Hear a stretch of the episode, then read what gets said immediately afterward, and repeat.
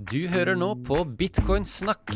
Og hvis du har lyst til å støtte Bitcoinsnakk, kan du gjøre det på to måter. En, begynne å bruke Fountain som podkastspiller. Her kan du donere litt sats til podkastene du liker best. På den måten forblir Bitcoinsnakk reklamefritt.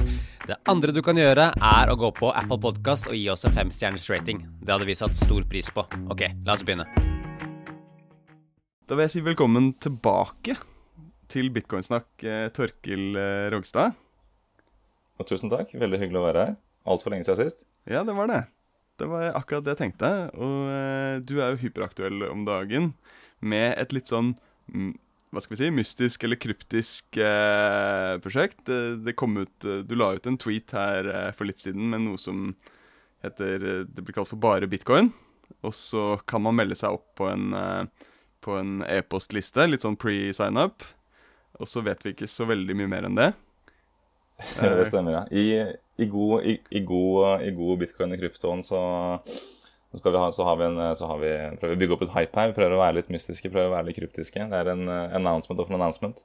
Nei da, det er det ikke. Men vi, vi, vi, vi er som, som, du sier, vi er kryptiske. Vi er ikke helt ute der ennå. Men vi kan røpe såpass at bare bitcoin er um, en tjeneste for det norske bitcoin-markedet, som lanseres forhåpentligvis uh, relativt snart. Med en gang vi får uh, Eh, endelig klarsignal fra de kongelige norske byråkrater i Finanstilsynet.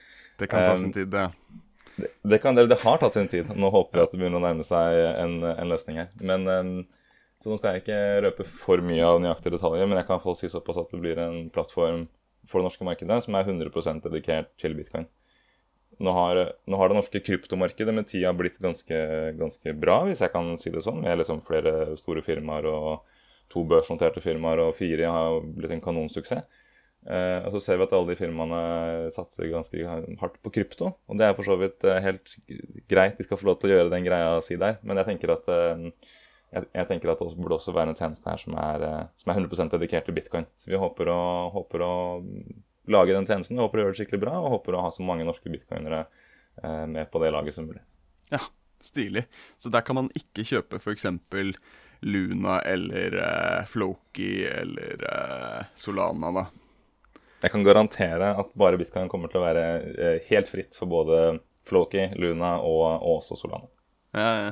ja for det, det, ser jeg jo på, på, Twitter at du er på en måte Du er jo flink da til å prøve å hjelpe folk som, som er nye i, i krypto- eller bitcoin-universet til å liksom eh, F.eks. når det var eh, Hva var det?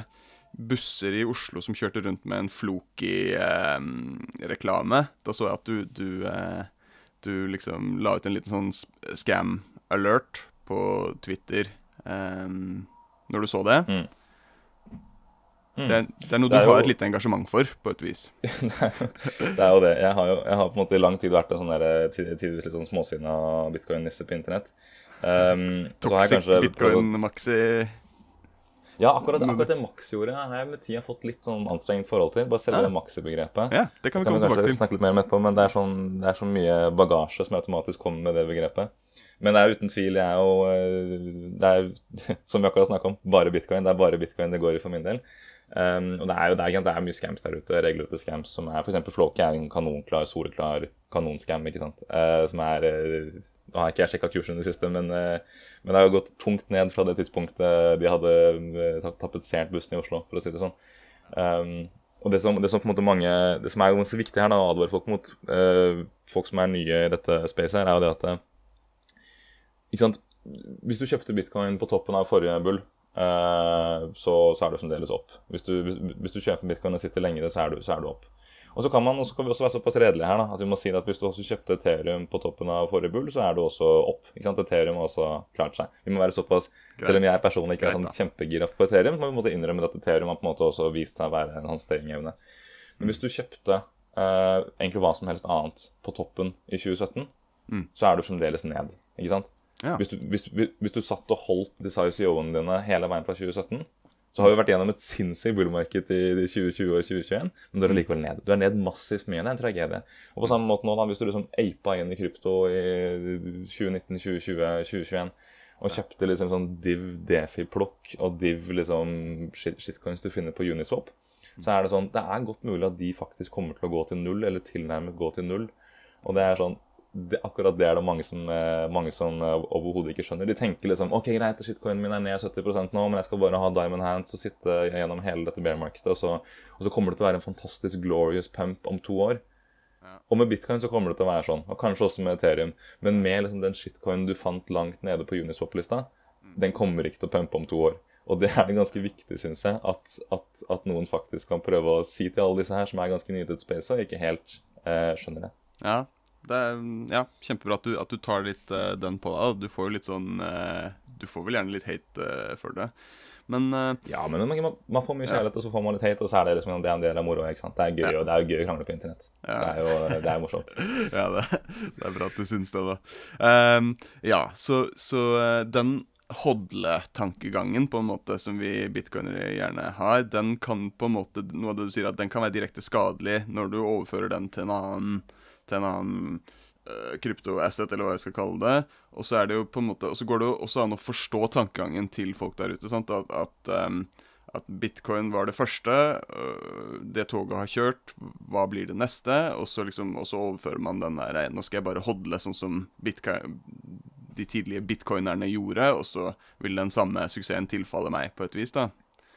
Det mm. går an å forstå logikken, liksom, og så er det jo fint å bare komme med en liten heads up på at hva, Altså, mm. med Luna nå, da, for eksempel, er jo, det er jo et eksempel um, på nettopp det du beskriver. En, en sånn en sånn kryptovaluta som bare har mista eh, ja, all, all, verdi nå i løpet av noen dager.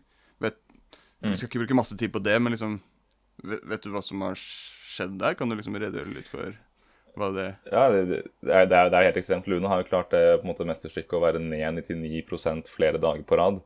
Eh, det er jo en, sånn, en sånn vanlig, vanlig, feil blant folk som er nye til liksom, eh, investeringer og matematikk, er jo at eh, hvis coinen din er ned 99 så kan den bare gå ned 1% til. Det stemmer jo ikke. Coinen din kan gå ned 99% mange dager på rad, og det har Luna nå vist. Det har jeg aldri sett før at noen har gjort, men Luna klarte dette her. Um, nå var jo Luna, Luna, Grunnen til at Luna har falt så ekstremt hardt, er fordi Luna hadde en sånn Luna var en del av et økosystem med Luna som en token og UST som en annen token. Um, UST skulle være en, en, en stablecoin. Men forskjellen, forskjellen til f.eks. For Tether, da, eller forskjellen til USD-coin, er at der er det liksom dollar i reserve som skal backe denne stablecoinen. Med UST så var det ingen dollar i reserve. Istedenfor hadde man en sånn mekanisme hvor prissvingninger i Luna skulle være med å stabilisere UST. Og så skal vi ikke gå inn på de komplekse detaljene i det, men kortversjonen er det at eh, så lenge det er bull, og så lenge det er god stemning, og så lenge folk har tillit til den dollarpeggen til UST, så går det bra. Og så gikk det bra. ikke sant? Det gikk bra i to år, tre år. Hva, hva det, er. det gikk kjempebra i perioder. Og så, med en gang folk mister den tilliten, så, så, går det plutselig ikke bra i det hele tatt. Da går det veldig veldig fort ikke bra i det hele tatt. Det er egentlig ganske likt med det man ser med, med, med Fiat-valutaer. Fordi Fiat-valutaer handler i bunn og grunn om tilliten til en sentralbank.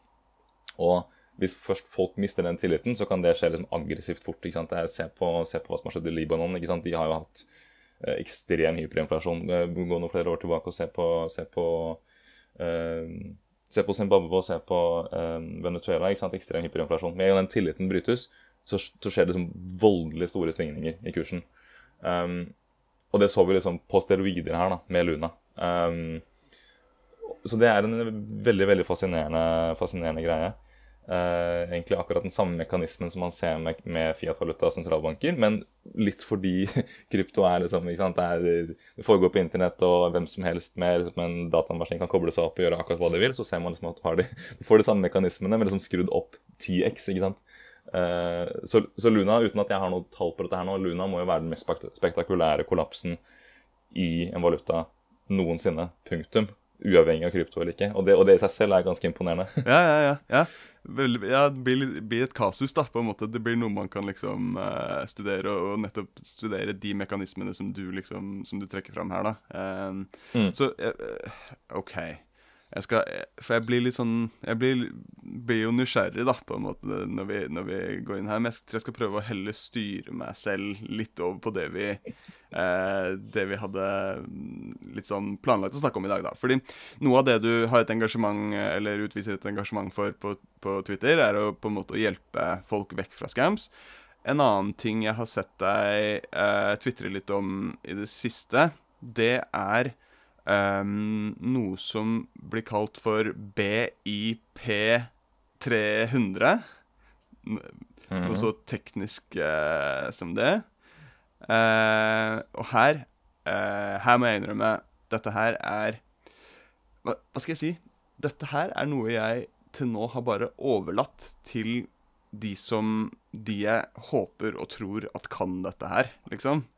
Dette her er det mm. som er litt sånn der inni den derre magiske maskinen som Inni det magiske maskinrommet til bitcoin.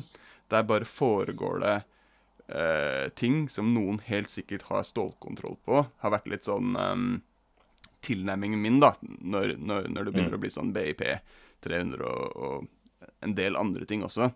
Så tenkte jeg at, at uh, det her kunne vært en gyllen anledning til å få et lite innblikk. Vi skal ikke liksom Vi skal ikke, vi skal ikke gå nødvendigvis for mye detalj, men liksom bare, bare prøve å forstå litt hva disse her BIP 300 Eller disse ulike BIP-ene, da. Mm. Hva de går ut på. Starte sånn, eh, starte sånn superkjapt med dette rare ordet BIP. da, for ja. BIP er et sånn usexy ord her. Det finnes mer sexy ord vi kan bruke. Ja. Eh, BIP er generelt å få Bitcoin Improvement Proposal. Og det er hvis du, har, liksom en, hvis du har fått en glup idé til hvordan du kan forbedre bitcoin på en eller annen måte, enten hvis det skal være liksom en oppgradering til bitcoin, eller bare en eller annen smart standard, eller på en eller annen måte noe du vil dele med det tekniske miljøet, mm. så lager du en sånn BIP, Bitcoin Improvement Proposal. Og så får den et nummer. ikke sant? Ja. Vi har BIP 300, og så har vi BIP 119 og så har vi BIP 7. Det er bare sånn helt tilfeldige numre som er tildelt for å holde styr på dem. Mm. Um, så, så for eksempel når Segwit ble aktivert i 2017, så var det en serie med bipper, sant? tekniske BIP-dokumenter som folk så over, og så er det liksom, ok, så er det en prosess, og så blir man enig om at du skal gjøre på den den måten. Ok, Så, um, så Segwit um, sant? Og nå, og nå, begynner, og nå begynner liksom uvitenheten min å komme. Segwit var jo en, en soft fork, på en måte. Yes. Man, man flytter um, jeg, jeg, tror ikke jeg skal begynne å, å utdype det. Men, men, og det du sier, er at, at, da er det flere sånne proposals som inngår i at man, man til slutt blir enige om at OK, dette er den uh, vi, vi, velger oss disse proposalsene, og så er dette den retningen vi vil at, at mm. algoritmen skal fortsette i. Ja, for eksempel. Ja. Så, det, okay. så, så, så, det, ligger på, dette ligger på GitHub. Da kan man søke opp bare Bitcoin Bips GitHub, og så kan man klikke seg gjennom, og så kan man se, og så er det noe av det kan man skjønne, og så er det masse teknisk jargon som uh, veldig få av oss, uh, meg selv inkludert, sliter veldig med å med Ok, så du, så du, også kommer av til til kort? Ja, men jeg bare la det være klart. altså, Når, når du beskrev denne sånn, magiske bitcoin-maskinen som ruller og går på internett altså sånn, ja. jeg, jeg, jeg, er softwareutvikler, jeg er en teknisk, teknisk anlagt person. Men jeg skal mm. være helt ærlig på at når vi kommer ned i de virkelig 90-gritty detaljene på dette her, så er det mye av det som er langt, langt, langt over hodet mitt også. Jeg, I hvor stor grad er det et problem? Liksom, eh, litt sånn don't trust verify, på en måte. Og så det du sier, er at selv du har på en måte litt sånn fullt ut ikke forutsetning for å, for å verify på liksom sånn eh, absolutt alt, da. Mm. Alt som skjer. Mm. Nei, det er, det, er jo, det er helt klart det er et problem. da. Jeg, jeg, jeg, jeg tror at jeg I, i, i, i, i softwareutvikling så har man fått begrep som sier at man kan At man er akkurat flink nok til å være veldig, veldig farlig. Eh, det er litt sånn hvis man tror man, det er en sånn farlig mekanisme. Hvis man tror man kan det, så kan man egentlig ikke. Så det er iallfall jeg har skjønt at jeg kan ikke alt. Det tror jeg er en god start. Men, eh, men jeg, jeg, jo, jeg, kan akkurat nok av dette her til å i hvert fall skjønne mm, på, en måte på litt sånn overordna plan hvordan det funker. da. Jeg kan på en måte beskrive hvordan Segwit funker på overordna plan. Jeg kan beskrive hvordan Taproot funker på overordna plan. Og disse bippene vi skal snakke om nå, jeg kan beskrive hvordan de funker på den overordna plan. Men hvis du ber meg liksom stå skolerett her og forklare detaljene nøyaktig hvordan Taproot funker, ned på liksom kodenivå liksom Eh, bits og bites og matematikk, så, så blir jeg svarskyldig. Uh, og da er jeg også avhengig av å basere meg på det andre sier. Um, men det er jo ofte mulig å på en måte tilegne seg såpass mye kunnskap at man kan på en eller annen måte lære av det andre sier, men på en sånn måte at man kan være kritisk og prøve på en eller annen måte verifisere det de sier mens de sier det. Um, men ja, så, um, For å gå, gå, litt tilbake til disse uh, bippene her, da. La oss, la oss uh, prøve, prøve å heller kalle andre ting bipper, bipper er så usexy. Denne, denne, denne BIP 300 som du nevnte først, det er noe som er kalt for drive chain. Og drive chain er et, er et egentlig ganske gammelt forslag, lagt frem av en fyr som heter Paul, Paul Stork, fra helt tilbake til 2015. Og drive chain er én måte å implementere, implementere sidechains på bitcoin. For de som ikke er helt uh, inni der, da, en sidechain er, er en alternativ blokkjede som kan ha andre mekanismer og andre annen funksjonalitet enn på en måte bitcoin-blokkjeden, men som fremdeles bruker eh, eh, bitcoin som valuta. Det er en, ja.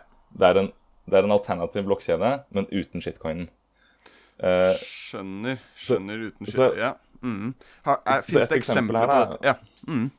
Ja, vi har eksempler i dag. Eh, Liquid det er kanskje noe folk har hørt om.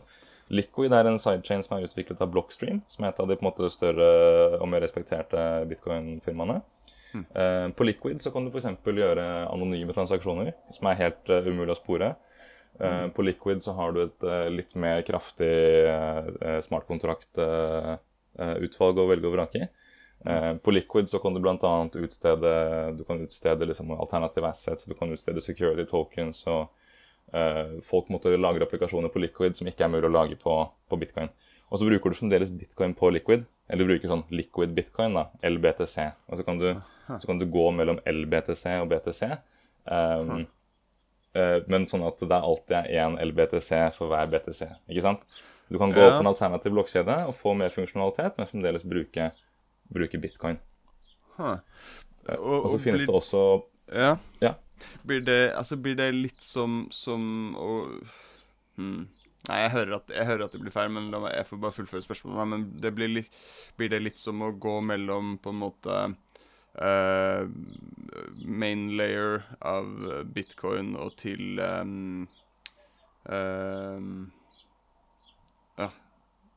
til, til Lightning? Ja, til Lightning. Ja, Bare, ja det, er, det, det, det, er, en ganske grei sammenligning. altså. Det er, det er, okay. en ganske grei sammenligning. Sånn Alt okay. som tekniske detaljer aside, så konseptuelt er det en ganske grei sammenligning. Mm. For når du, når, du, når, du, når du, flytter bitcoinen din over på Lightning, sant, så, så, så på en måte låser du ned bitcoinen din på bitcoin-blokkjeden. Da kan den ikke brukes på liksom, bitcoin-blokkjeden akkurat da. Ja. Men til gjengjeld så får du eh, så får du en supercharged eh, payment eh, coin i Lightning-walten din, hvor du kan gjøre ting som ikke er mulig å gjøre på bitcoin-blokkjeden. Okay. Ja. Ja. Så, så, så, på en sidechain på samme måte, da, du lokker opp bitcoinene dine på hovedbitcoin-kjeden, mm. og så i bytte så får, en, eh, så får, du en, token på en annen blokkjede som på en måte representerer bitcoin, men som kan gjøre ting som bitcoin vanligvis ikke kan. Så vi nevnte ja. jo Liquid. da. Det finnes også mm. en annen sidechain som heter Rootstock. Vi trenger ikke gå sånn kjempemye detaljer her, men det finnes på en måte sidechains i dag. Mm. Problemet med de sidechainene er at de er ikke helt um, De er ikke helt, altså det, det man på engelsk kaller trustless. Ja. De, de mm. sidechainene er ikke helt på... desentraliserte. Mm. Du gir avkall på Ja. Eh, eller du gir ja. ikke avkall på du, tillit, du velger tillit, på en måte. ja, mm. det, det, det, gjør du. Uh, for, for, å ta Lightning, da, noe som er litt kult med Lightning, er at Lightning er såkalt trustless. Hvis mm. jeg overfører bitcoin til Lightning, så vet jeg at jeg kan få de bitcoinene ut av Lightning igjen uten å måtte stole på noen. Det er en prosess hvor jeg kan uh, vite at det er noe som, uh, som på en måte, Der kan jeg ha absolutt sikkerhet på at bitcoin-blokkjeden håndterer det for meg. Men hvis jeg skal over på liquid, en av disse sidechainene, ja. så, så, er det rett og slett en, eh, en, en stor multisig, en sånn multisignatur, satt opp av uh, hva er det, 18 ulike såkalte funksjonærer. Mm. som er et utvalg av firmaer og bitcoin-børser og litt sånn diverse. Eh, men jeg er da nødt til å stole på at de tar imot bitcoinene mine og gir meg disse liquid-coinene. Og så når jeg vil gå andre veien, så må jeg også stole på at de uh, gir meg min ekte bitcoin tilbake. Nettopp. Og hva uh, får du for den trade-offen, da? Det jeg får, er da muligheten til å gå på en mer interessant blokkjede, hvor jeg kan gjøre mer interessante ting. Men jeg er nødt til å stole på disse menneskene her. da. Og ja. de menneskene er jo da åpenbart et, hva skal man si, et punkt, et, et sånt sentralt punkt med svakheter. Ja. Så DriveChain da, DriveChain er et forslag for hvordan, hvordan implementere disse sidechainene, mm. men uten å måtte ha en sånn multisig som sitter som et sentralt punkt og binder kjedene sammen. Mm. Nettopp. Ja. Ja. Uh, ja. Så man vil gi folk mulighet til å gjøre den trade-offen, at, at, man da på en måte velger tillit, og så får man uh, Man får gjerne noe i retur, f.eks. Uh, ja, hastighet i, i, overføring eller uh, mm. Ja. Noen andre eksempler er uh, altså fordi um, han, han, han, Paul Stork, da, han som har laga DriveChain, Han har, han har uh, laget et sånn testnett, et sånn testmiljø, hvor, måte, hvor, hvor man kan teste ut softwaren, da, teste ut mekanismene. Det er da åpenbart med sånne test-bitcoin som ikke har noen verdi. Ja. Um, men Så han har da laget flere ulike sidechains da, som man kan teste ut. Han har laget en, en, en sidechain som har absolutt anonymitet. Uh, som bruker samme anonymitetsteknologien som Zcash, med sånn såkalte zero knowledge proofs. Nå trenger vi ikke gå i detalj på nøyaktig hva det er, men på en måte headlineren er at da har du absolutt anonymitet. Da er det helt umulig å spore deg. Ja. Så det er én sidechain da, med absolutt anonymitet. Han har også laget en sidechain med ekstremt store blokker.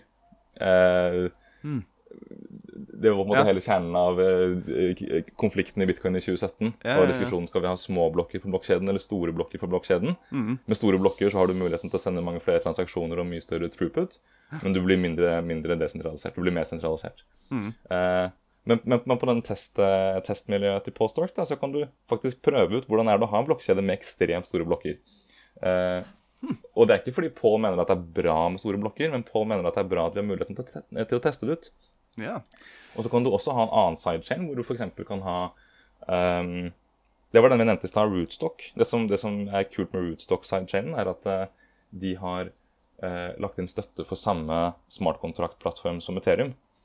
Uh, så du får Ethereums smartkontraktmuligheter, men med å bruke bitcoin som, som token. Men Rootstock lider jo da samme problem som med Liquid, som vi nevnte innledningsvis. At du har disse, eh, dette sentraliserte punktet for å gå inn og ut av, eh, av kjeden. Eh, men med DriveChain så kunne du potensielt hatt liksom en hva skal man si, Ethereum-kompatibel eh, blokkjede, men som fremdeles bruker bitcoin. Og, så, og så det kule her da, er at ok, La oss si at du hater personvern, og la oss si at du hater store blokker, og la oss si at du hater Ethereum, så du vil ikke ha noen av disse tre eh, greiene. Du, du, du har ikke lyst til, å, at de skal ha noe med bitcoinen din å gjøre. Du er en bit bitcoin-maxi. Ja, ikke sant? Eller- det er bitcoin maxi ja. true and. Ja. Eh, men det som er kjempefint, da, er at disse sidechainene er jo helt Det er ingen som tvinger deg til å bruke de. De er helt, eh, de er helt eh, valgfrie. Ja. Uh, så da kan du bare holde deg på liksom bitcoin-kjeden og ignorere alt dette støy, støyet støy i bakgrunnen. Mm. Og så kommer hele cl- clouet her, da. All den aktiviteten på disse kjedene, den, den genererer, den genererer avgifter betalt på disse kjedene Okay. minere som miner bitcoin-kjeden, vil da også tjene disse avgiftene. Så hvis Ja. det er masse masse, masse aktivitet da, på denne Ethereum-kompatible bitcoin-sidechainen, Mm. så genererer det millioner av dollar i, eh, i miner revenue, så er den miner-omsetninga med på å sikre bitcoin-blokkjeden. Ja, så dette så liksom Ja, det gir eh, Hva skal vi si? Det gir hashrate og, og liksom eh, Det gir netto pluss for hele bitcoin-økosystemet, og vi kan fortsette å liksom verne om eh, kjernen, da. Nedi, mar Mm. nedi maskinrommet på den båten på bitcoin-skuta, så fungerer alt som det skal. Og så har vi i tillegg noen små livbåter eller noen småbåter som liksom får, får lov til å, til å sirkle litt rundt og liksom dra nytte av bitcoin, og, og blir også, gir også en nytte til bitcoin, da, på en måte. Ja, du kan, du kan se at du har disse småbåtene som kjører rundt på sida der, og så disse småbåtene også hvis de fisker opp noen fisk fra havet eller finner en forlatt Ikke eh, kiste, på, kiste på bunnen av havet med litt gull oppi, Ja. så kommer de med gjennom mellomrom tilbake til maskinrommet på bitcoin, og Ja. sier de 'hei, ta fisken', eller 'hei, ta det Ja. gullet jeg fant'. Eller eventuelt, Også, hvis du tenker litt sånne gamle krigskonvoier, at de kjører på den minen i stedet for selve liksom Er, er det kanskje det som eh, ble kalt for mi, eh, minesveipere, eller eh, Ja, men jeg er ikke så kjent med akkurat, eh, Nei akkurat det. Men, Nei, men, ja, men, altså, men, jeg bare tenkte at, at For at det kan jo være nettopp fordelen at du, du gjør noe risikabelt på en av de småbåtene, og så sparer du selve hovedskipet fra, fra den risikoen, da. mm, det er akkurat, akkurat det der. Fordi um, det, er, det er også noe annet som jeg gjerne har lyst til å ta, ta litt opp i dag, da, som er den, føler jeg glidd glid fint over nå. Fordi Mm. vi, snakka innledningsvis om liksom, ok, bitcoin og shitcoin, og liksom skal man, det grann er, er alle andre ting enn bitcoin shitcoins? Eh, Noen ting er åpenbart shitcoins, ikke sant? Men um, og hvis du hadde spurt meg for noen, eh, for noen år siden da, sånn, er Ethereum en shitcoin, så hadde jeg på en måte kategorisk sagt ja til det. Jeg hadde sagt at Ethereum er en kanon-shitcoin. Men så har jeg på en eller annen måte eh, Ja, det har vært en personlig man- reise her. Ja. det har det, har, Det har det, det har det. For, nå, uh, for det, er bare, det er bare å se på tallene, på en måte, se på market capen til Ethereum, og så ser du også særlig på uh, all aktiviteten på Ethereum. Uh, alle disse protokollene på Ethereum. Um, når du eh, eh, når man ser på hvor, hvilke blokkjeder som betaler, eh, som betaler um, mest avgifter ikke sant? Mm. Avgifter er en sånn måte å måle på hvor mye økonomisk aktivitet er det på en blokkjede. Uh, og avgiftene er med på å sikre blokkjeden. Så avgifter er veldig viktig at vi, at vi, at vi, at vi har. Når, alle, når alle bitcoinene er mina, så, så, er vi helt avhengig, av, helt avhengig av avgifter som skal betales av brukerne. Ja. Hvis vi går inn på cryptofees.info, så kan vi se Jeg så du var inne og klikka, nemlig. Jeg så det på ja. chatten eh, vi har, eller videochatten. Ja, nå er jeg spent. Ja. Jeg skulle inn på, skulle inn på cryptofees.info for å finne de neste tallene her. Og, og, og, og, faktum er at akkurat nå så, så, så, gruser Ethereum bitcoin når det kommer til hvor mye økonomisk aktivitet som foregår. Mm. Eh, på Ethereum så er det det siste døgnet blitt betalt tilsvarende 15 millioner dollar i avgifter. Som er med på å sikre Ethereum-blokkjeden. Mm. På bitcoin derimot så er det betalt 920 000 dollar i avgifter. Ja, så det vil si under en femtendedel av avgiftene som er betalt på Ethereum. Mm. Og så kan vi også se på hvem er, hvem er på plassen under Ethereum. da, fordi Bitcoin er ikke på andreplass heller. Det er det verste. Okay. Ethereum er øverst. Og så er det Uniswap. Og ja. Uniswap er også en protokoll på Ethereum. ikke sant? Mm. Uniswap genererte 4 millioner dollar i avgifter. Så Uniswap så, alene genererte nesten fem ganger så mye ja. som det Bitcoin klarte å gjøre. Og Ethereum er nå på en måte oppe i 20 millioner, da. Med, mm. Fordi at jeg får Uniswap også Nei, det blir omvendt. Uniswap altså Uniswap-tallet er en del av Ethereum-tallet. Ja. Så, så, Uniswap, så, du kan legge de to sammen? Ethereum og Nei, du kan ikke legge det sammen. Fordi, de, fordi de 4 okay. millionene på Uniswap inngår i de 15 millionene på Ethereum. Oh, ja, sånn, ja. ja. Jeg er med. Jeg er med. Og så under, under, Uniswap igjen da, så kommer Binance Smart Chain, altså BSC. Ja. Mm. Og det er sånn, Binance Smart Chain det er bare på en måte bare tull. Liksom peak shitcoineri. ikke sant? Det er liksom en kjede styrt av én børs uh, med bare 1000 millioner shitcoins. Ja. Men de genererer mer avgifter De genererer mer måte, avgifter for å sikre blokkjeden enn det bitcoin gjør. Og det er sånn mm. Åssen var det vi havna her? Det syns jeg er helt på ekte er kjempetrist. Jeg skulle ønske at alle de avgiftene som betales på disse alternative kjedene, heller kunne gå med til å sikre bitcoin-kjeden. Mm. Uh, for å bare ta én ting til der, da. Uh, Ethereum gikk uh, for noen måneder siden gjennom en endring i hvordan avgift, avgiftene på kjeden fungerer. Istedenfor at alle avgiftene går rett til minerne, så brukes også noe av avgiftene til å burne tokens, til å burne ether. Ja. Okay. Så det, når det er masse, masse aktivitet på Ethereum, så burnes det faktisk coins. Det blir færre Ethereum. Og det er jo bra for, for, for, for alle som holder Ethereum, for da blir jo hver Ethereum mer verdt. Mm. Så, så, her kunne man også, i et sånt perfekt scenario, da, så hadde vi hatt masse masse, masse aktivitet om bitcoin. Og så kunne noe av det gått til å sikre kjeden. Mm. Og hvis resten av det også hadde blitt burna, så hadde jo mine bitcoin blitt mer verdt. Litt Ja. Ja. Og Det er noe jeg veldig gjerne skulle sett på bitcoin. Og det er den lille mm. reisen jeg har hatt da, de siste årene ved å se at markedet har faktisk sagt til meg Torkil, Ethereum har fått til noe, og du kan like Ethereum eller du kan ikke like Ethereum, men de har fått til noe. Ja. Det, det, det, er noe vi som bitcoinere er nødt til å på en måte internalisere mm. og ta inn over oss. For tilbake til den tweeten din som jeg ble litt nysgjerrig på, hvor disse her BIP-bokstavene og 300 og alt sammen um, liksom Ja, hvor det var noe jeg ble nysgjerrig på, da. Så uh, avslutta du litt den tweeten med at vi har blitt litt sånn ignorante. Eh, eller at en del bitcoinere har blitt litt ignorante og litt sånn smug. Eh, litt sånn Hviler litt for mye på laurbærene, eller hviler for mye på at, at, bitcoin er liksom bare Er bare den beste eh, coinen, og, og, det vil aldri kunne liksom endre seg, og så ikke helt ta inn over seg at det er en at det er en prosess, på en måte. Det er et, et mm. skip som fortsatt må, må, liksom reise. Som er på en reise. Mm. Mm. Ja, det, er, det, det, det, syns jeg er kjempeviktig å på en måte uh, prate om. nå, Det er jeg føler man ikke prater nok om.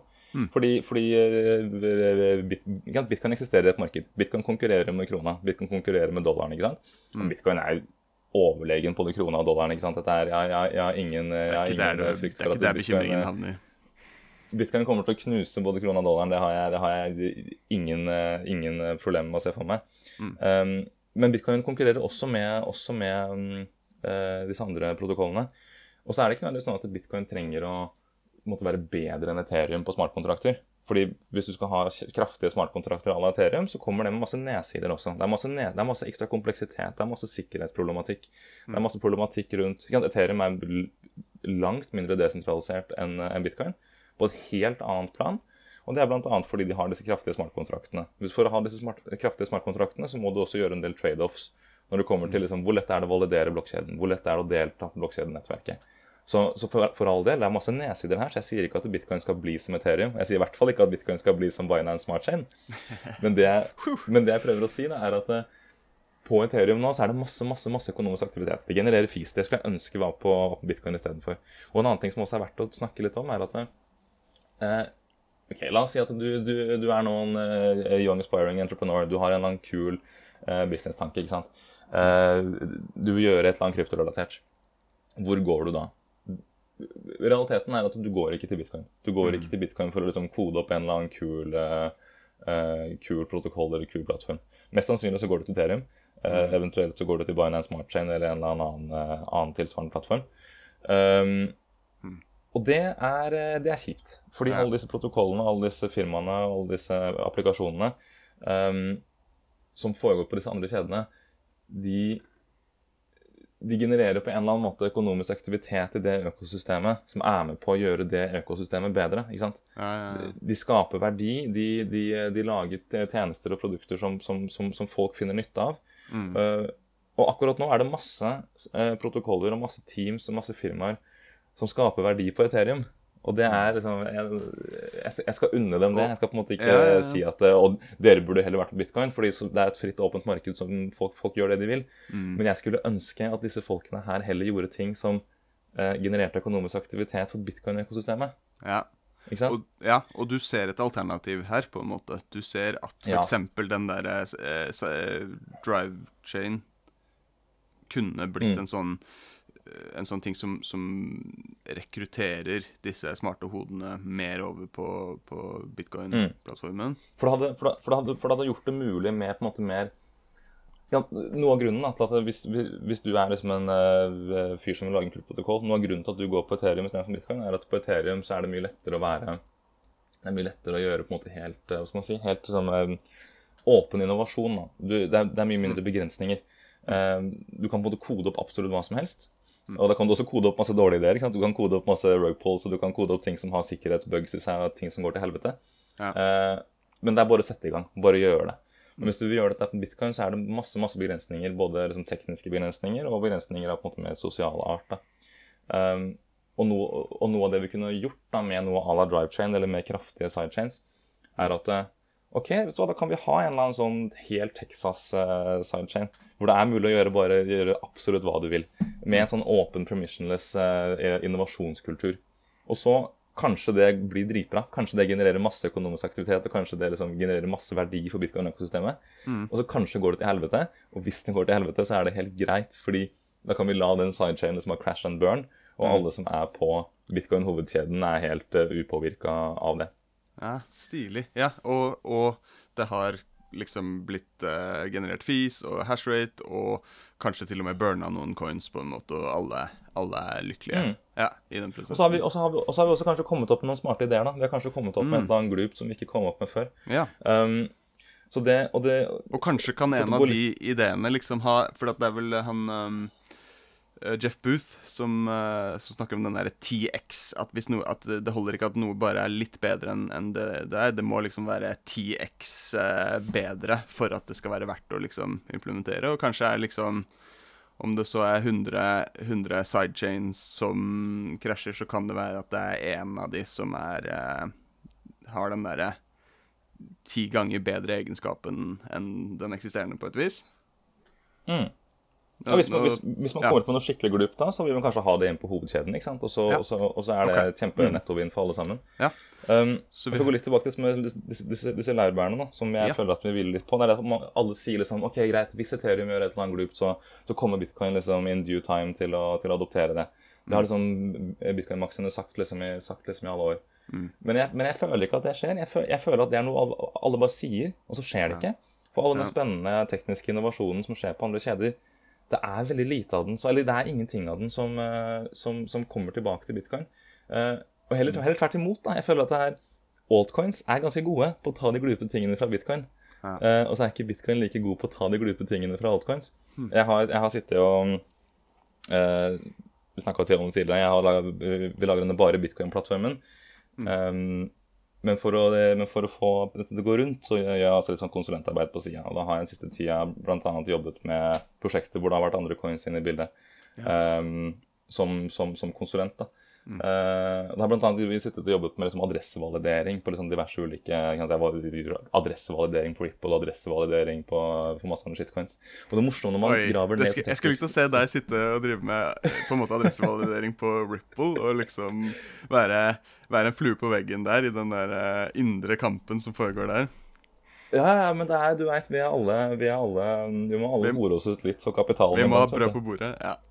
Det er akkurat det vi må. Man har, man har regninger som skal betales og, og, og, alt det her. Mm. Eh, og også bare for å nevne det kjapt, da. Eh, når man skal drive med bitcoin-greier i Norge, så må man disse kongelige norske byråkratene i Finanstilsynet ja, de skal eh, godkjenne. Og, og det koster penger. Og disse advokatene som skal hjelpe oss med å dra dette i land, de koster også penger. Altså de pengene her må komme fra et sted.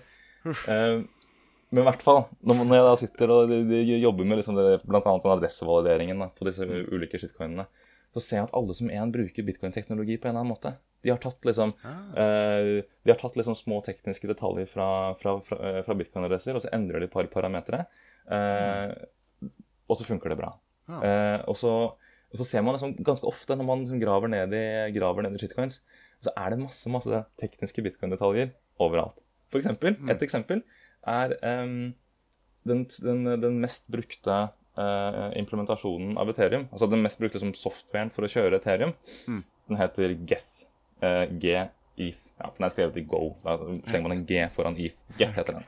Uh, Geth bruker kode fra et bitcoin-prosjekt som heter BTCD. BTCD er, eh, er en, også en sånn bitcoin-implementasjon skrevet av de samme folka som bl.a. lager eh, den mest brukte Lightning-implementasjonen. Så Det er liksom morsomt når man graver rundt i Ethereum-koden, så finner man plutselig bitcoin-kode. Og det er fordi den bitcoin-koden var bra, så Ethereum-gutta sa at ok, istedenfor å gjøre alt dette her sjøl, så bare bruker vi den bitcoin-koden. Alle er fornøyd. ikke sant? Teknisk innovasjon, ja da, ja da, ja da. Kjempefint. Jeg ser aldri bitcoin-prosjekter bruke kode fra shitcoins. Nettopp. Fordi en shitcoin kan være en kjempeshitcoin. En shitcoin kan være et ræva prosjekt, men likevel ha bra kode. ikke sant? Ja. Så det er litt sånn der, mm. kan- kan- Kanskje jeg snakka meg inn i et sånn dypt kodehull nå, men poenget her er at eh, jeg ser hele tiden shitcoins stjele bra teknologi fra bitcoin. Jeg skulle Ja. ønske bitcoin i større grad også klarte å eh, gjøre den samme øvelsen i retur.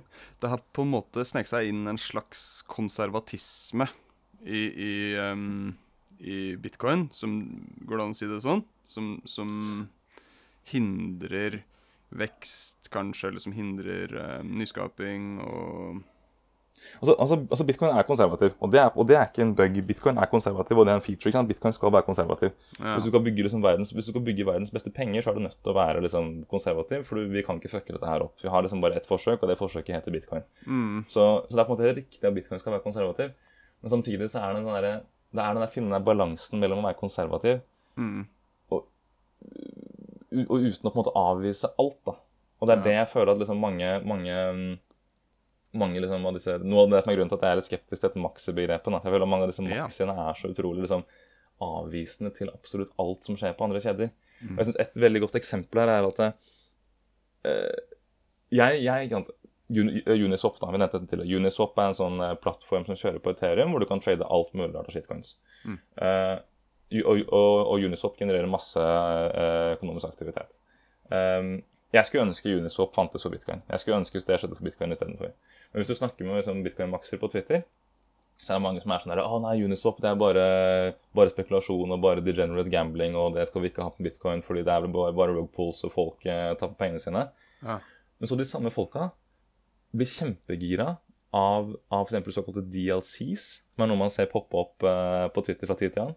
DLCs er en sånn eh, måte å også spekulere på finansielle instrumenter på, men som gjøres på bitcoin-blokkjeden. Den dag i dag så kan, du, så, kan du, så kan du bruke DLCs til å gjøre litt degenerate spe speculation på bitcoin-blokkjeden. Okay. Så du ser liksom disse, så du ser liksom disse maxiene på den ene siden være kjempegira på DLCs, Ja. fordi det er smart contracts on bitcoin. Mm. Og så er de negative til Uniswap, for det er liksom bare eh, degenerate gambling. Ja. Og så er det en sånn derre så er det en sånn der, I hvert fall i hodet mitt da, så er det en sånn kognitiv dissonans der. Ja, ja, ja. Hvor de på en måte automatisk er positive til noe fordi det skjer på bitcoin. Eller fordi det kommer fra bitcoin. Mm. Men fordi det kommer fra Ethereum, så må det være søppel. Og da blir jeg sånn derre Så- Å, det er så det, er, det er kjernen i det som gjør meg skeptisk til maxi-begrepet. Fordi det er så mange av disse uh, selverklærte maxiene som på en måte bare er Det går sånn der teppe ned foran øynene deres. Mm. Eh, og så er det helt umulig å på en måte nå frem med rasjonelle argumenter. Ja. Sant? Så, det, Eh, så kon, kon, eh, konservatismen vil vi ha. Sant? Den er viktig som beskytter litt sånn kjerneverdiene her. Absolutt knapphet og, desentralisering og disse tingene. Men det er en eller annen sånn nesten sånn hjernevask, eller nesten litt sånn religion. At bare, bare det har en oransje bitcoin-logo, eller bare den og den personen har sagt det, så er det korser, på en måte. Mens eh, har det noe som helst med Ethereum å gjøre, eller altså, så er det haram, på en måte. Mm. Jeg, jeg, jeg, tror, jeg, tror du er inne på jeg, tror du er helt inne på noe sentralt her. Altså, det, det er litt sånn kjernen, kjernen i dette her. Mm. Hindrer liksom At at, det vi, eh, at vi lærer og utvikler og Ja. Ja. Og, beskytter, og beskytter de konservative, gode verdiene um, Ja. i bånn, og liksom når Gir dem en utbredelse, da, på en måte. Jeg For tror det er du er helt inne på noe sentralt. da Ja, for det er det For å Få ta det litt tilbake til eh, Ja, det er jo det som på en måte Ja, det er på en måte litt det som skjer, at Eterium kan liksom um, Kan nå veldig ut med sine kjerneverdier, da, som på en måte ikke er uh, absolutt knapphet, og som ikke er en meningsfull de desentralisering, på et vis. Det, det brer Mm. om seg. mm. Mm. Ja, ja, det, er- eh, Særlig dette her du sier med liksom, hva som er kosher og hva som er haram. da Ja. Nå er vel Det var- det jeg tror vi sånn blandet to religioner der. Og, ja. ta, ta halal og haram, da. Og hva er motsatt av kosher? Jeg vet ikke. Men i hvert fall innafor og ikke innafor, for å si det på godt norsk. Eh, og, det, og det er ganske tydelig når man ser på Drive Drivechain. For han Paul Stork han er, en, eh, han er en kontroversiell karakter i mange miljøer. Mm. Eh, han har eh, Han har på en måte tidligere vært involvert eh, i liksom diverse prosjekter eh, som mange bitcoinere ikke synes noe om. Han har bl.a. jobbet sammen med en fyr som heter eh, Jeff Garsick tidligere. Jeff Garsick er kjempekontroversiell eh, i det liksom tekniske bitcoin-miljøet. Jeff Garsick er som en kanonshitcoiner. Jeff Garsick var med på liksom angrepet på bitcoin i 2017. Og da er det mange som blir dritskeptiske til Paul Stork. Og på en måte, føler jeg, da, tar, tar mannen istedenfor ballen. Ja. Um, Mm. eh, Sammen med en sånn annen softfork som har blitt diskutert mye i det siste. Uh, check Template Verify. BIP 119. Ja, Um, den hadde jeg håpet vi også skulle komme komme inn på i dag. Ja, vi, Mm. det, kan, det, det kan vi godt gjøre, men vi får bare ta det først dette med mannen, ikke ballen. da. For Ja, det er også han som står bak det forslaget, en fyr som heter Jeremy Rubin. Mm. Og Jeremy Rubin er en fyr som har gjort mye spennende bitcoin-greier i mange år. Men han har også tidvis gjort kontroversielle ting da, i mange bitcoin-miljøer. Han, har- han har på en måte vært involvert i andre prosjekter, og han har gjort ting som på en måte er eh, Som ikke bare er kurser. Han har, han, har, han har gjort ting som også i mange liksom, puritanske sirkler er ikke innafor. Og da opplever jeg liksom fordi fordi både liksom forslag kommer fra Paul Stork, som er på utsiden av miljøet, og fordi et forslag kommer fra Jamie Rubin, som er på, på utsiden av miljøet, så, så blir ikke forslagene tatt seriøst. Forslagene får ikke den oppmerksomheten de burde få. Men hvis det på en måte kommer et forslag fra den harde indre kjerne, så Ja. er det liksom da er alle up in arms med en gang. Um, de, de, de siste to softforkene som ble aktivert på bitcoin Den forrige var Taproot, som ble aktivert i fjor. Og før der igjen så var det Segwit, som ble aktivert eh, i, eh, i 2017. Eh, begge de ble liksom fremmet av Ble på en måte si, foreslått og kodet opp og fremmet av folk som var liksom veldig hardt inne liksom i den innerste liksom puritanske bitcoin-tekniske sirkelen. Um, og, og det var forslag som på en måte automatisk eh, hadde en sånn forståelse for at liksom Eller relativt fort da, så på en måte ble det konsensus om at dette er noe vi har lyst til å gå for, dette er noe vi har lyst til å uh, gjøre. Mm. Men når folk fremmer forslag fra utsiden av den sirkelen, Mm. så er det ofte vanskelig å nå frem. Og jeg Ja. mener at dette her er, at det jeg sier nå, er en ganske kontroversiell ting blant mange. Da. Det er fint å være klar over. Det er mange som er veldig uenige med meg i dette her. Mm. Men jeg er temmelig sikker på at hvis, hvis det samme forslaget, Check Template Verify, ikke hadde kommet fra Jeremy Rubin, men istedenfor hadde kommet fra f.eks. Peter Wølle, som er en veldig sånn anerkjent, respektert utvikler fra den harde uh, kjernen, så hadde de blitt banka gjennom liksom, på sekundet. Det er jeg helt sikker på. Og nå mener ikke jeg snakke dritt om Peter Wølle, fordi Peter Wølle er en helt fantastisk uh, mann som har gjort ekstremt mye viktig for bitcoin, og en mann som fortjener all uh, heder og ære i hele verden. Men det er bare et, et eksempel på liksom, at det er noen som det er noen som er innafor, og det er noen som er utafor. Og hvis du er Ja. utafor, så blir du fort liksom eh, møtt med en sånn der, nærmest en sånn anti-intellektualisme, for å bruke det begrepet. da. Ja, ja, ja. Og, um, og det mener jeg er problemet med bitcoin i dag, som mange bitcoinere ikke helt uh, tar, eh, tar inn over seg. Ja, for det har jo gjerne vært nødvendig, f.eks. liksom å ha eh, Liksom hvis Craig S. Wright skulle, skulle begynne å si noe, at man har en litt sånn effektiv sanksjonering der, på en måte at han ikke skal få, få slippe mer til. Um, men så er det akkurat som at nå begynner det å nesten å utmerke Ut fra hva du sier, da, så det begynner nesten å komme et litt sånn presteskap her. En litt sånn av de som, de som får lov til å tolke skriftene, eller de som får lov til å liksom um, ha berettigede meninger, på en måte. Og det Ja.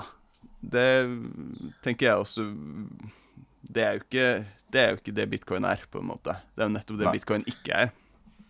Ja, helt klart. Og du, og du, og du, og du sier jo så interessant interessant der med dette her med uh, okay, Bitcoinere kan ofte være toxic, og mange er jo igjen, Jeg prøver ikke å være toxic, jeg synes det er en god idé ikke å være så toxic, Og mange, mange bitcoinere er liksom sånn stolte av at ok, en toxic maximalist eller alt dette her. Og så snakker man om at det er liksom immunforsvaret til bitcoin. At man skal liksom støte bort eh, man skal støte bort liksom angripere på bitcoin. Um, og til dels så er jeg jo på en måte med på det. ikke sant? Det er viktig at bitcoin har en sånn har eh, en sånn, et sånn hardt skall som forsvarer det mot, eh, forsvarer det mot angrep og forsvarer det mot liksom, negative impulser. Eh, men det er å finne den balansen. da, det er å finne den balansen. Eh, og For å ta det litt tilbake til 2017. Nå er det sikkert mange av, disse, mange av lytterne på denne podkasten som ikke var aktive i bitcoin i 2017. Men i 2017 var liksom en sånn brytningstid i bitcoin med ekstremt liksom, sterke konflikter. Ekstremt eh, Egentlig en utrolig, utrolig farlig tid for bitcoin. Eh, liksom andre halvdel av Eller sommeren 2017 så var det liksom konflikt mellom folk som ville ta bitcoin i ulike retninger. Eh, og, og, og kanskje gjennom å være veldig toxic og gjennom å være veldig harde, så klarte man å forsvare bitcoin mot det som mest sannsynlig har vært liksom det farligste angrepet på bitcoin. Ja. Um, og det var, en det, det, det var fantastisk å se. Eh, 2017 gjorde meg det at, det at, um, det at man klarte liksom å eh, slå, stå imot det angrepet i 2017, det er noe av det som har gjort meg mest bull på bitcoin noensinne. At bitcoin klarte å stå imot det angrepet. Eh, men så føler jeg det er nesten mange som lider av sånn PTSD fra den tida. Eh, og, og, og det er sånn der, ja, nå er det kjempeviktig at vi for all fremtid er liksom kanonharde mot alle utenfra forsøk på, på å endre bitcoin, fordi vi så hva som skjedde med liksom block wars eh, i 2017. Og det er kjempeviktig at vi står mot det her. Og så er det mange som på en måte nærmest ikke klarer å ta inn over seg at uh, ikke alt trenger å være like altså, Ikke alt er fordi, no, fordi noe skjedde i 2017, så betyr ikke det at det er på en måte like krise nå. Eh, Ikke alle smell er en atombombe, på en måte. Noe er kinaputter. Ja. Og der, og der, og, og der mener jeg liksom at uh, bitcoin-miljøet i, i veldig stor grad på en måte svikter. Rett og slett svikter eh, i debatten og på en måte svikter intellektuelt fordi man eh, eh, man, man, man går inn i en sånn ekstremt hard eh, forsvarsmodus med en gang. Og, man, og man smeller til et ekstremt harde skallet. Eh, og det på en måte har eh, jeg, jeg, jeg tror det har bikka For veldig mange tror jeg det har bikka liksom langt over eh, hva som på en måte er den gylne middelveien de burde prøve å lande på. Ja. Hm. Spennende, sant? Ja, og, det- og, det, ja. Et bra eh, Et bra litt sånn slutt, sluttpoeng der, sånn. Uh, uh, Nå begynte vi å rante fælt om, om, om ting som har skjedd for veldig lenge siden. Men bare for å skille, skille det superkjapt, da. Så det som skjedde i 2017, var en ekstremt spennende periode i bitcoin. Jeg kjenner at jeg jeg på en måte oppdaga bitcoin tidlig i 2017. og jeg er veldig glad for at jeg fikk med meg den veldig transformative tida. Ja. Jeg vil anbefale alle å sjekke ut en bok som heter The Block Size Wars. Eh, skrevet av samme person som står bak uh, Bitmex Research. Eh, den boka kan bestilles på Amazon. Den kan også leses gratis på, på Bitmex Research sin eh, blogg. Eh, som er et fantastisk fint historisk eh, dokument som forklarer denne brytningstida i eh, 2015, 2016, 2017. Eh, veldig veldig interessant og veldig spennende å lese. Ganske lettlest også. Eh, Jeg vil anbefale alle å sjekke ut. Det er eh, veldig godt skrevet om en veldig veldig spennende periode i bitcoins eh, eh, eksistens. Ja, stilig. Sånn at ikke de som For det er jo det er litt fint med de som har kommet til etter eh, 2017, med at de gjerne ikke har med seg eh, de traumene. sant? De kan eh, forholde seg til, til det som skjer videre. Eh, Ja, uten at det liksom trigges eh, PTSD, da. Eh, og så Mm. får heller de som var her før 2017, eh, drive med litt traume, finne sin traumebehandling. Eh, eh, det, ja. Jeg bare så du, du Altså, opp mot den her BIP 119, så var det jo litt sånn ordveksling med Peter McCormack på, eh, på Twitter, hvor han Altså, Hans argument var jo nettopp det du, det du skisserte her nå, at det fins fol folkens, det fins Jeg aner ingenting om dette her, men det fins folk som jeg stoler på, som er skeptiske til BIP 119, så dette må vi få satt en stopper for. Eh, Jeg tror jeg, jeg Mm. para, parafraserer en god del her, men eh, Ja. Hvordan, Mm. hvordan gikk den eh, meningsutvekslingen? Det var som du sier her, da. Han, han, han liksom han, han sa at 'this feels like an attack on bitcoin', tror jeg han sa. Og da ble jeg sånn derre Kødder du, eller? Kom igjen. 'This feels like an attack on bitcoin'. Jeg, Særlig når man har liksom hundretusener av føler syns jeg det er en ganske ram ting å melde. da. Det er sånn der, Ja. hvis, du, hvis, du, hvis du føler at noe er et angrep på bitcoin, så, så mener jeg at du egentlig har to, eh, to sånne decent ting å gjøre. Du kan A. eh, finne ut av om dette faktisk er et angrep på bitcoin. For Hvis det er en angrep på bitcoin, så er det kjempefarlig. Da må vi finne ut av det. Da kan du sette deg ned og gjøre researchen og liksom eh, put in the work. Og på en måte prøve å forstå dette her. Og hvis du har lagt ned timene, forstått det, og fremdeles føler at er angrep på bitcoin, selvfølgelig, rop ut. Prøv å, prøv å, prøv å slå ned dette angrepet på bitcoin. Men hvis du ikke er villig til å legge inn de timene for å forstå det, så mener jeg helt ærlig at det er det bedre å holde kjeft. ass. Da er det faktisk bedre å, å si at det, dette er liksom above my pay grade, jeg forstår det ikke, da holder jeg kjeft. Eh, og det er den derre Det er også tilbake til den der grunnen til at jeg sliter litt med dette maxi-begrepet. Så du kaller meg selv maxi, er, er det at det, så, så mange, så mange eh, på, liksom, på timeline på Twitter er sånn der De, de, de sier liksom eh, beint ut. da, De sier sånn derre 'Jeg forstår det ikke, men jeg liker det ikke'. Og det er sånn Kom igjen, da! Kom igjen. Er liksom hva er det for en tåpelig innstilling til livet? Jeg forstår det ikke, og jeg liker det ikke. At, at, at ikke folk skjønner at det er en håpløs ting å melde. Eh, det er liksom eh, er dette uttrykket her, da? At iblant er det bedre å Iblant er det bedre å holde kjeft heller enn å åpne munnen og avsløre for alle at du er en idiot. Ja, ja. Det er bedre å uh, ja, ja, det er bedre å fremstå som en idiot eh, heller enn å åpne munnen og etterlate enhver tvil. Det, det er kanskje mer Ja, en, det er noe eh, sånt noe. Det er, det er, et det er et fa fantastisk bra begrep. Flere, flere folk burde, burde holde kjeft mer om Nei da, det var, var slemt sagt. Men, men, men, men, men jeg mener det er en sånn, jeg mener det er en sånn um, hele den derre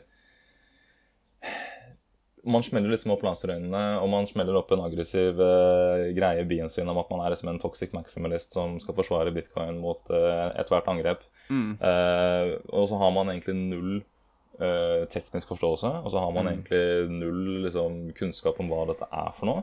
Ja. Men så smeller man ut på Twitter og melder veldig hardt og um, Det er bare sånn Akkurat den, akkurat den greia der eh, Akkurat den greia der Nå var det ikke meninga å trekke laserøynene ned. Altså, laserøynene er greit, det. Det er bare, det er bare Ja, mi, uh, ja, mine laserøyne, de, de forblir jeg, Kanskje nesten etter hvert bare fordi jeg har blitt veldig sånn der, eh, fortrolig med dem. holdt på å si, Nesten sånn estetisk. Jeg bare liker å Det er noe litt fint med å bare liksom eh, se de laserøynene på Twitter, og så bare veit du umiddelbart eh, hvem Du vet umiddelbart veldig mye om den personen du, du leser noe fra eller, eh, eller prater med, da.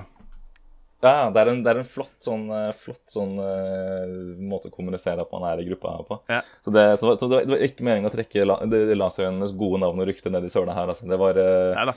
Men men, men, men, men mer den der at det er, no, at det er mange på Twitter med deg som er liksom altfor um, Altfor harde. Kanskje burde være litt mer ydmyke mm, for ting generelt. Og det på en måte går litt tilbake til det vi sa om bitcoin i stad, litt sånn bredere. At kanskje bitcoin og bitcoinere burde være litt mer ydmyke for alt det som skjer andre steder. ja. Og det, og, det, og det betyr igjen, det betyr ikke at vi liksom i morgen den dag skal gjøre bitcoin til en Ethereum-copycat. På ingen som helst måte. Det, vil, det er ikke det jeg sitter her og sier i det hele tatt. Nei, tvert imot. vi- sant? Tvert imot. Ja. Vi skal beskytte oss mot Ethereum. Jeg, vet, altså, jeg bare fikk en følelse av, når du snakker om, om PTSD og den krigen som var i 2017, at noe av det med å være litt traumatisert fra den, det handler kanskje om da at da er det vanskelig å se at nå er det ikke der slagmarken er lenger, på et vis. Man tropper opp på den samme gamle slagmarken, og så er det ikke der slaget egentlig står.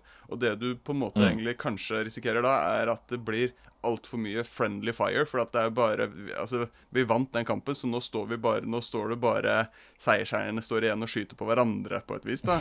Mens vi egentlig skal flytte oss over på Ethereum-slagmarken. Og liksom at, Det kan jo komme nye indre angrep på en måte igjen seinere, men akkurat nå så er slagmarken mer liksom ovenfor Ethereum og andre som liksom Ja, som kan lokke gode hoder og gode ting Mm. vekk, fra, vekk fra bitcoin. Mm. Og det er ikke bare, det er ikke bare, dette, det er, det er ikke bare sånn at det er et eh, slag som står nå heller. Det er et slag som har stått uh, lenge. Og der er liksom uh, Det er noe jeg mener vi må innrømme, som, som vi var inne på i stad med disse avgiftene som blir betalt, og hvor på en måte devs søker seg og sånn. Det er et slag bitcoin har tapt nå i lengre tid. Det er hele grunnen til at jeg har på en måte endra litt syn, syn på Eller endra holdning til Ethereum de siste årene. Det er på en måte sånn å faktisk ta inn over seg at eh, de slagene har vi tapt. Og så har vi vunnet masse andre slag. Vi, Bitcoin vinner slag hver eneste dag. Så jeg, jeg, eh, Bitcoin vinner kjempemange viktige slag hver eneste dag. Men vi taper også en del slag. Og, og, og så er det viktig å faktisk tenke på de slagene vi taper også. Um, og det savner jeg. Det savner jeg veldig. Og med det så høres det ut som at vi eh, har fått belyst noe viktig, og jeg har lært eh, masse om, om Eller jeg har fått en litt sånn grunnleggende forståelse for disse bippene. Sant? At dette er proposals som, eh, som ligger til grunn for disse her eh, softforkene, som jo gjerne er de man hører om, på en måte, eh, til syvende og sist. Og at, at liksom eh, Før noe blir til en softfork, så, så er det mye som skjer, mye sånn eh, kulturelt, holdt på å si. Mye sånn bitcoin-kultur eh, som, som Eller ja, mange sånne indre små slag som, som utkjempes på et vis. Og eh, at der gjelder det å ikke bli eh, ikke få Ikke ta snarvær, da. Ikke bare gjør ting til eh, halal eller haram bare litt sånn fordi noen har sagt det. Noen som kanskje var viktige eh, i en tidligere oppdatering, men kanskje ikke vet så mye om det som skjer akkurat nå. Mm. Um, ja. Mm, nei, jeg mener det er helt sånn eh, Helt klart. Og så mener jeg det er liksom viktig at eh, ikke sant, på en måte være mann altså, bevarer nysgjerrigheten ikke sant, Bevarer liksom den der utforskende gleden. Eh, og prøve å liksom Hvis du skal ha sterke meninger, da, ta, ta, ta, ta og les den eh, Ta og les de greiene du burde lese før du har de sterke meningene. Eh, det på en måte skylder du det, skylder vi bitcoin. Men jeg føler også at vi på en rent personlig plan skylder oss selv det. Uh, igjen sånn på en måte i uh, den intellektuelle redelighetens navn, eh, så er det ganske viktig å faktisk eh, eh, ikke stivne helt, da. Eh, stay curious, er det ikke det man, eh, det ikke det man sier? da? Det syns jeg er ganske viktig. Og med det, tusen takk, eh, Torkil, for at du stilte opp igjen. Gleder meg til eh, veldig, Ja, vi kommer til å ha deg, i hvert fall be deg, eh, igjen mange ganger eh, fremover, så ja, vi ses igjen. Jeg stiller veldig gjerne. Veldig ja, hyggelig å være her.